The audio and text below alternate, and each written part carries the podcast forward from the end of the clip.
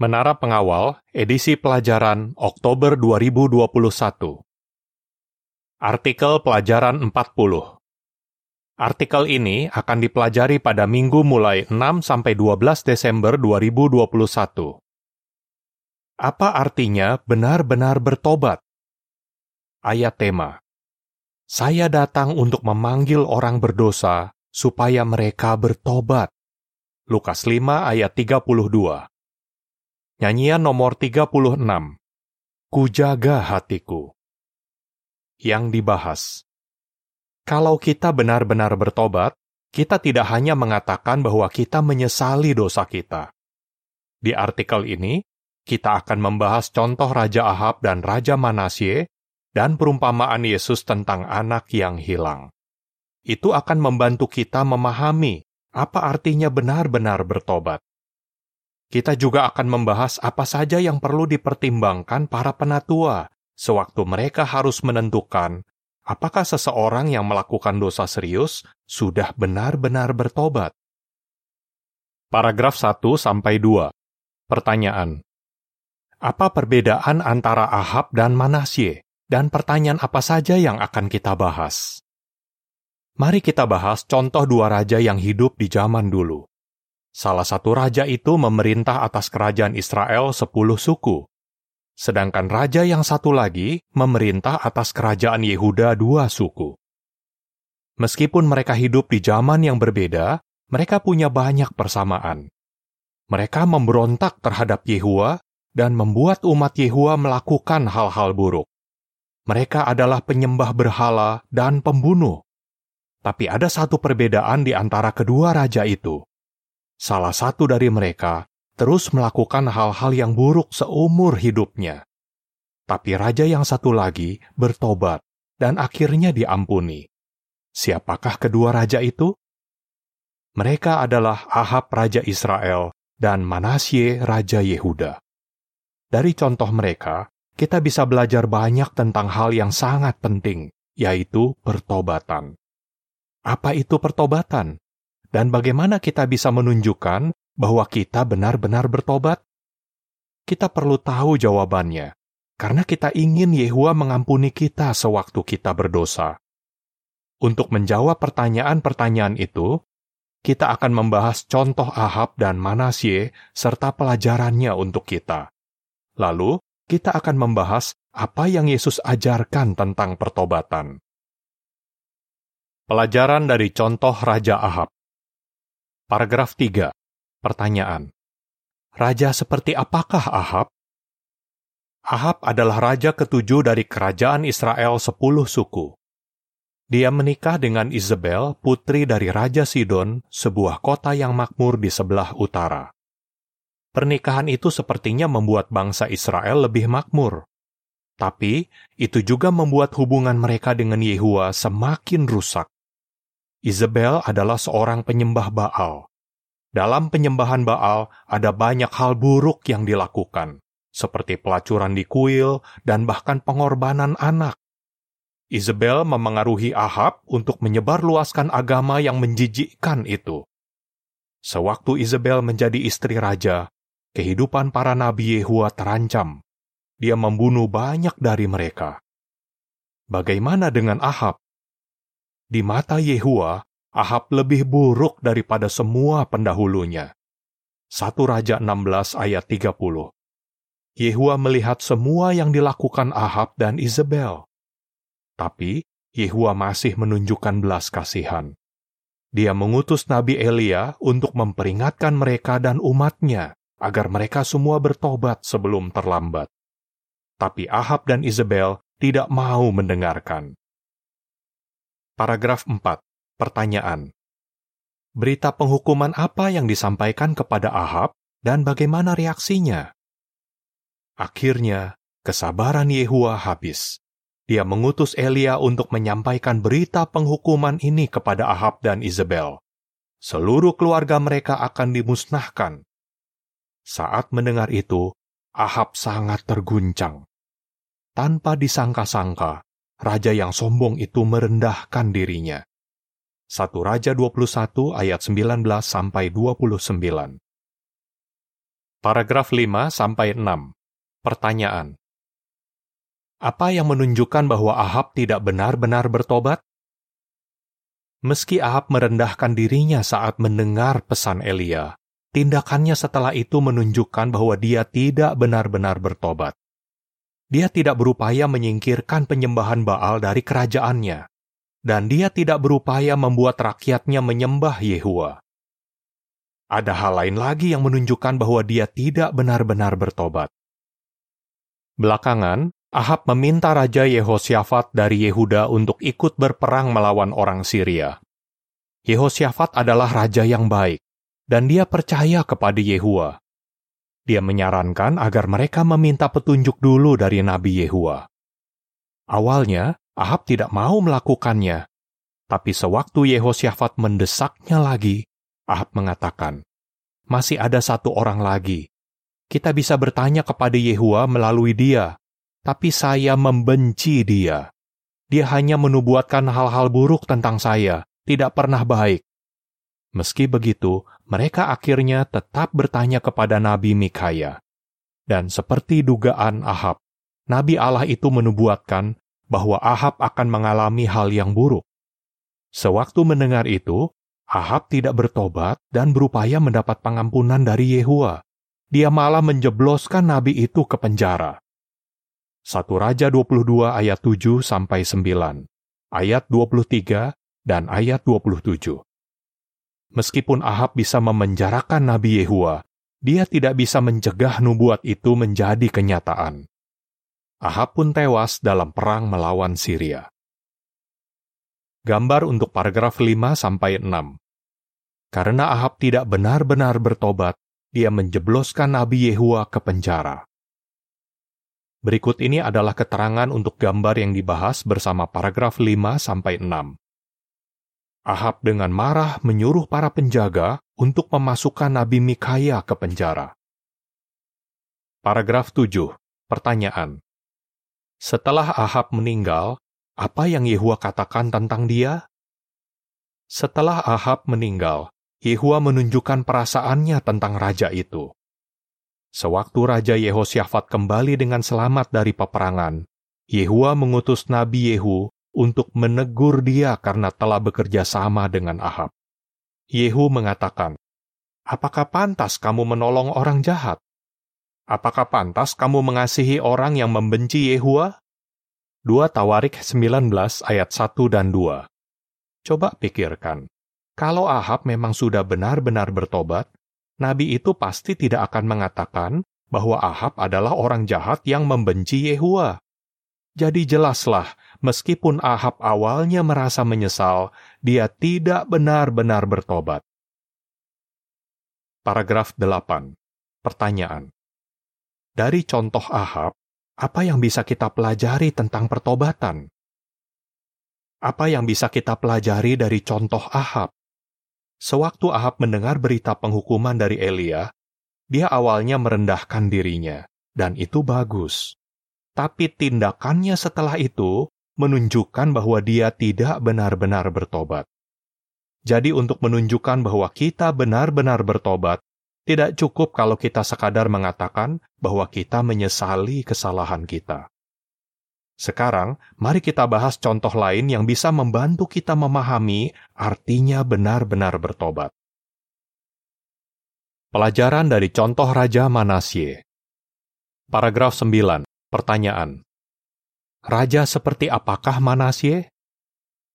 Sekitar dua abad kemudian, Manasye menjadi Raja Yehuda. Dia kemungkinan bahkan lebih jahat daripada Ahab. Alkitab mengatakan Manasye melakukan banyak sekali hal yang buruk di mata Yehua, sehingga menyakiti dia. 2 Tawarik 33 ayat 1 sampai 9.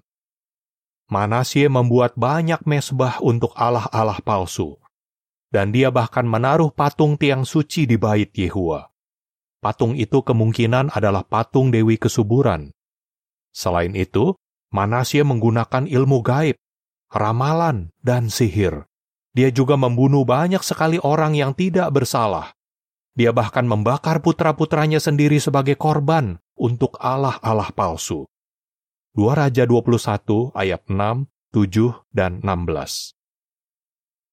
Paragraf 10, pertanyaan.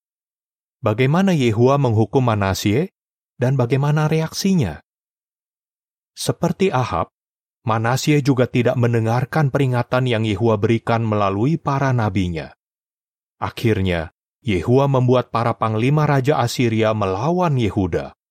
Lalu, Manasye ditangkap dengan kait, diikat dengan dua rantai tembaga, dan dibawa ke Babylon. Sewaktu dipenjarakan di Babylon, Manasye benar-benar memikirkan kesalahannya. Dia terus merendahkan dirinya di hadapan Allah leluhurnya. Manasye juga memohon belas kasihan Yehua Allahnya dan terus berdoa kepadanya. Ya, raja yang jahat itu mulai berubah dia mulai menganggap Yehua sebagai Allahnya, dan dia berdoa tanpa henti. 2 Tawarikh 33 ayat 10 sampai 13. Paragraf 11. Pertanyaan. Menurut 2 Tawarikh 33 ayat 15 dan 16, bagaimana Manasye menunjukkan bahwa dia benar-benar bertobat? Akhirnya, Yehua menjawab doa-doa Manasye. Dari doa-doa itu, Yehua bisa melihat bahwa dia sudah benar-benar berubah. Yehua pun mau mengampuni Manasye dan mengizinkan dia menjadi raja lagi. Manasye memanfaatkan kesempatan itu untuk menunjukkan bahwa dia sudah benar-benar bertobat. Dia melakukan apa yang tidak pernah dilakukan oleh Ahab. Dia mengubah tingkah lakunya. Dia berupaya menghapus ibadah palsu dan membuat orang-orang menyembah Yehua lagi. 2 Tawarikh 33 ayat 15 dan 16 mengatakan, Dia kemudian mengeluarkan allah-allah lain dan patung berhala dari rumah Yehua. Juga semua mesbah yang dibuatnya di gunung rumah Yehua dan di Yerusalem, dan membuangnya keluar kota. Dia juga menyiapkan mesbah Yehua, dan di atasnya dia mulai memberikan persembahan persahabatan dan persembahan ucapan syukur. Selain itu, dia menyuruh Yehuda melayani Yehua, Allah Israel. Manasye pasti membutuhkan keberanian dan iman untuk melakukan itu. Sebelum dia bertobat, dia memberikan pengaruh buruk bagi keluarganya, para pejabatnya, dan rakyatnya selama bertahun-tahun. Tapi sekarang, Sewaktu Manasye sudah lanjut usia, dia berupaya untuk memperbaiki keadaan buruk yang diakibatkan oleh perbuatannya dulu. Kemungkinan dia menjadi pengaruh yang baik bagi Yosia, cucunya yang masih kecil, yang belakangan menjadi raja yang sangat baik. Gambar untuk paragraf 11. Karena Manasye benar-benar bertobat, dia berupaya menghapus ibadah palsu. Berikut ini adalah keterangan untuk gambar yang dibahas bersama paragraf 11. Manasye menyuruh para pekerja untuk menghancurkan patung-patung yang dulu dia taruh di bait. Paragraf 12. Pertanyaan. Dari contoh Manasye, apa yang bisa kita pelajari tentang pertobatan? Apa yang kita pelajari dari contoh Manasye? Dia tidak hanya merendahkan dirinya, dia berdoa memohon belas kasihan dan mengubah tingkah lakunya. Dia berupaya keras untuk memperbaiki keadaan buruk yang diakibatkan oleh perbuatannya dulu. Selain itu, dia berupaya untuk beribadah kepada Yehua lagi dan membantu orang-orang lain untuk melakukan hal yang sama. Contoh Manasye bisa membantu orang-orang yang pernah melakukan hal-hal yang sangat buruk. Mengapa? Karena dari contoh Manasye, kita bisa melihat bahwa Allah Yehua baik dan siap mengampuni. Mazmur 86 ayat 5 Kalau seseorang benar-benar bertobat, Yehua pasti mau mengampuni dia. Paragraf 13. Pertanyaan. Berikan gambaran yang bisa membantu kita memahami artinya benar-benar bertobat. Manasye tidak sekadar menyesali dosanya. Dari contoh Manasye, kita mendapat pelajaran yang penting tentang pertobatan. Coba perhatikan gambaran ini. Katakanlah saudara pergi ke toko untuk membeli kue. Tapi karyawan toko itu malah memberi saudara sebutir telur. Apakah saudara akan merasa puas? Pasti tidak. Bagaimana kalau dia menjelaskan bahwa telur itu adalah bahan yang penting untuk membuat kue? Pasti saudara tetap tidak puas. Sama seperti itu. Yehua ingin agar orang yang berdosa benar-benar bertobat. Kalau seseorang yang berdosa menyesali kesalahannya, itu bagus. Perasaan seperti itu adalah bagian yang penting dari pertobatan. Tapi itu tidak cukup. Apalagi yang perlu dia lakukan? Kita bisa belajar dari salah satu perumpamaan Yesus yang menyentuh hati. Seperti apakah orang yang benar-benar bertobat? Paragraf 14. Pertanyaan. Dalam perumpamaan Yesus, Bagaimana anak yang hilang itu mulai menunjukkan bahwa dia bertobat? Di Lukas 15 ayat 11 sampai 32, Yesus menceritakan sebuah perumpamaan yang menyentuh hati tentang anak yang hilang. Ada seorang anak muda yang memberontak melawan ayahnya, meninggalkan rumah, dan pergi ke negeri yang jauh. Di sana, dia hidup bejat. Tapi, waktu kehidupannya menjadi sangat sulit, dia benar-benar memikirkan kesalahannya. Dia sadar bahwa kehidupannya jauh lebih baik sewaktu dia masih tinggal di rumah ayahnya. Yesus mengatakan bahwa anak muda itu akhirnya sadar. Dia memutuskan untuk pulang dan meminta maaf kepada ayahnya. Penyesalan yang dirasakan anak itu memang penting, tapi apakah itu cukup? Tidak, dia juga harus mengubah tingkah lakunya. Paragraf 15. Pertanyaan. Bagaimana anak yang hilang itu menunjukkan bahwa dia benar-benar bertobat? Anak yang hilang itu menunjukkan melalui tindakannya bahwa dia sudah benar-benar bertobat. Dia menempuh perjalanan panjang untuk pulang ke rumah. Lalu, sewaktu bertemu dengan ayahnya, dia mengatakan, "Aku sudah berdosa kepada Allah dan kepada ayah, Aku tidak layak lagi disebut anak ayah. Lukas 15 ayat 21. Dia dengan sepenuh hati mengakui dosanya. Dan itu menunjukkan bahwa dia ingin memperbaiki hubungannya dengan Yehua. Dia juga mengakui bahwa tindakannya telah menyakiti hati ayahnya. Dan dia siap melakukan apa pun agar bisa memiliki hubungan yang baik lagi dengan ayahnya. Dia bahkan rela diperlakukan sebagai pekerja di rumah itu. Perumpamaan Yesus itu bukan sekadar cerita yang menyentuh hati. Perumpamaan itu bisa membantu para penatua sewaktu mereka harus menentukan apakah seseorang yang melakukan dosa serius sudah benar-benar bertobat. Gambar untuk paragraf 14 sampai 15. Setelah anak yang hilang itu menyadari kesalahannya, dia menempuh perjalanan panjang untuk pulang. Berikut ini adalah keterangan untuk gambar yang dibahas bersama paragraf 14 sampai 15. Setelah menempuh perjalanan yang jauh dan melelahkan, anak yang hilang merasa lega saat melihat rumahnya dari kejauhan. Paragraf 16. Pertanyaan. Mengapa para penatua mungkin sulit menentukan apakah seseorang benar-benar bertobat? Kadang, para penatua harus menentukan apakah seseorang yang melakukan dosa serius sudah benar-benar bertobat. Itu bukan hal yang mudah.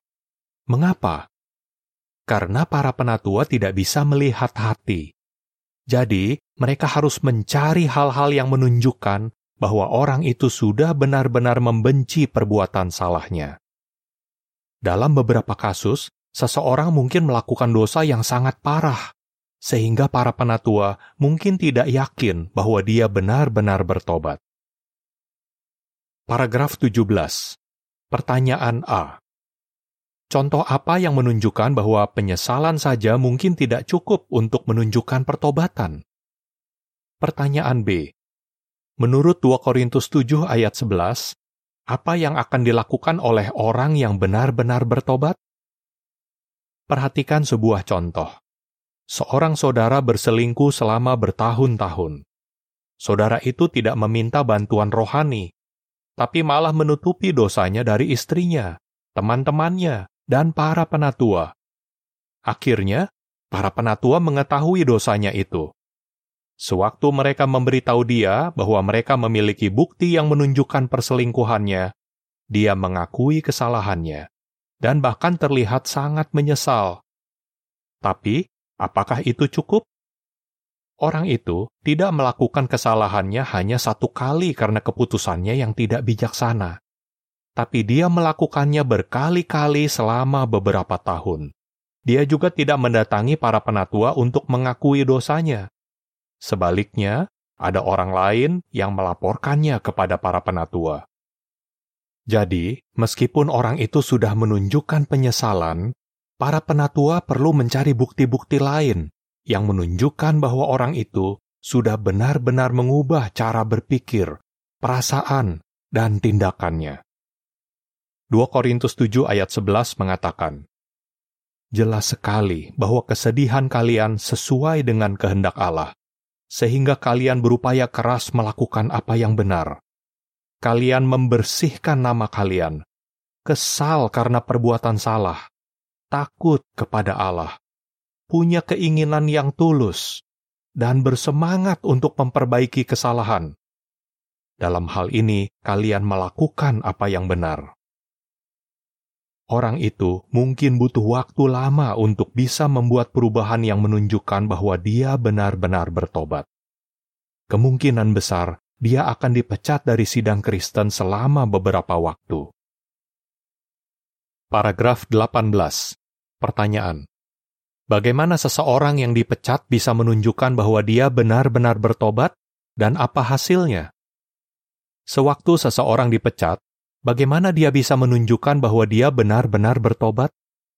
Dia perlu berhimpun secara rutin dan mengikuti nasihat para penatua untuk rutin berdoa dan mempelajari Alkitab. Dia juga perlu berupaya keras untuk menghindari hal-hal yang bisa membuat dia tergoda untuk berbuat dosa lagi. Kalau dia berusaha sebisa-bisanya untuk memperbaiki hubungannya dengan Yehua, dia bisa yakin bahwa Yehua akan benar-benar mengampuni dia, dan para penatua akan membantu dia untuk kembali ke sidang. Sewaktu para penatua harus menentukan apakah seseorang sudah bertobat, mereka menyadari bahwa setiap kasus itu berbeda. Jadi, mereka akan memeriksa setiap kasus dengan saksama dan tidak akan memberikan tuntutan yang tidak masuk akal kepada orang-orang yang ingin kembali ke sidang. Paragraf 19. Pertanyaan. Apa artinya benar-benar bertobat? Seperti yang telah kita bahas, orang yang melakukan dosa serius bisa bertobat. Tapi untuk menunjukkan pertobatannya, tidak cukup kalau dia hanya mengatakan bahwa dia menyesali dosanya. Dia juga harus benar-benar mengubah cara berpikir dan perasaannya, lalu melakukan apa yang benar dia harus berhenti melakukan apa yang buruk dan kembali mengikuti standar Yehua. Dia melakukan semua itu terutama karena dia ingin memperbaiki hubungannya dengan Yehua. Yehezkiel 33 ayat 14 sampai 16 mengatakan, Dan misalnya aku berkata kepada orang jahat, kamu pasti akan mati. Lalu dia berbalik dari dosanya dan berbuat adil dan benar, Orang jahat itu mengembalikan barang jaminan yang dia ambil, membayar kembali barang yang dia rampok, juga menjalankan ketetapan yang memberikan kehidupan dan tidak berbuat salah. Maka dia akan tetap hidup. Dia tidak akan mati. Tidak satu pun dosanya akan diingat-ingat lagi. Dia akan tetap hidup karena dia berbuat adil dan benar. Bantulah orang yang berdosa untuk bertobat Paragraf 20 sampai 21. Pertanyaan. Bagaimana kita bisa membantu seseorang yang melakukan dosa serius? Yesus menjelaskan salah satu tujuan penting dari pelayanannya. Dia mengatakan, "Saya datang untuk memanggil orang berdosa supaya mereka bertobat." Lukas 5 ayat 32. Kita seharusnya juga ingin melakukan hal yang sama kalau kita tahu bahwa sahabat kita melakukan dosa serius, apa yang harus kita lakukan? Kita tidak boleh menutup-nutupi dosanya, karena itu bisa merugikan dia. Lagi pula, kita memang tidak bisa menyembunyikan dosanya, karena Yehua melihat segala sesuatu. Saudara bisa membantu sahabat saudara dengan meyakinkan dia bahwa para penatua ingin membantu dia. Kalau dia tidak mau mengakui dosanya kepada para penatua, saudaralah yang harus memberitahukannya kepada para penatua.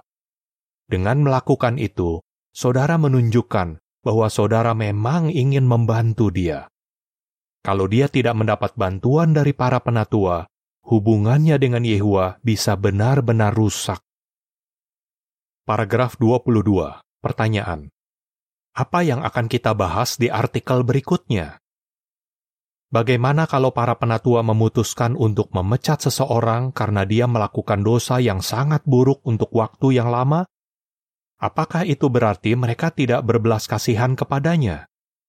Di artikel berikutnya, kita akan membahas bagaimana Yehua menunjukkan belas kasihan sewaktu mendisiplin orang yang berdosa. Kita juga akan membahas bagaimana kita bisa meniru belas kasihannya. Apa jawaban saudara? Dari contoh Ahab, apa yang bisa kita pelajari tentang pertobatan? Apa yang menunjukkan bahwa Manasye benar-benar bertobat?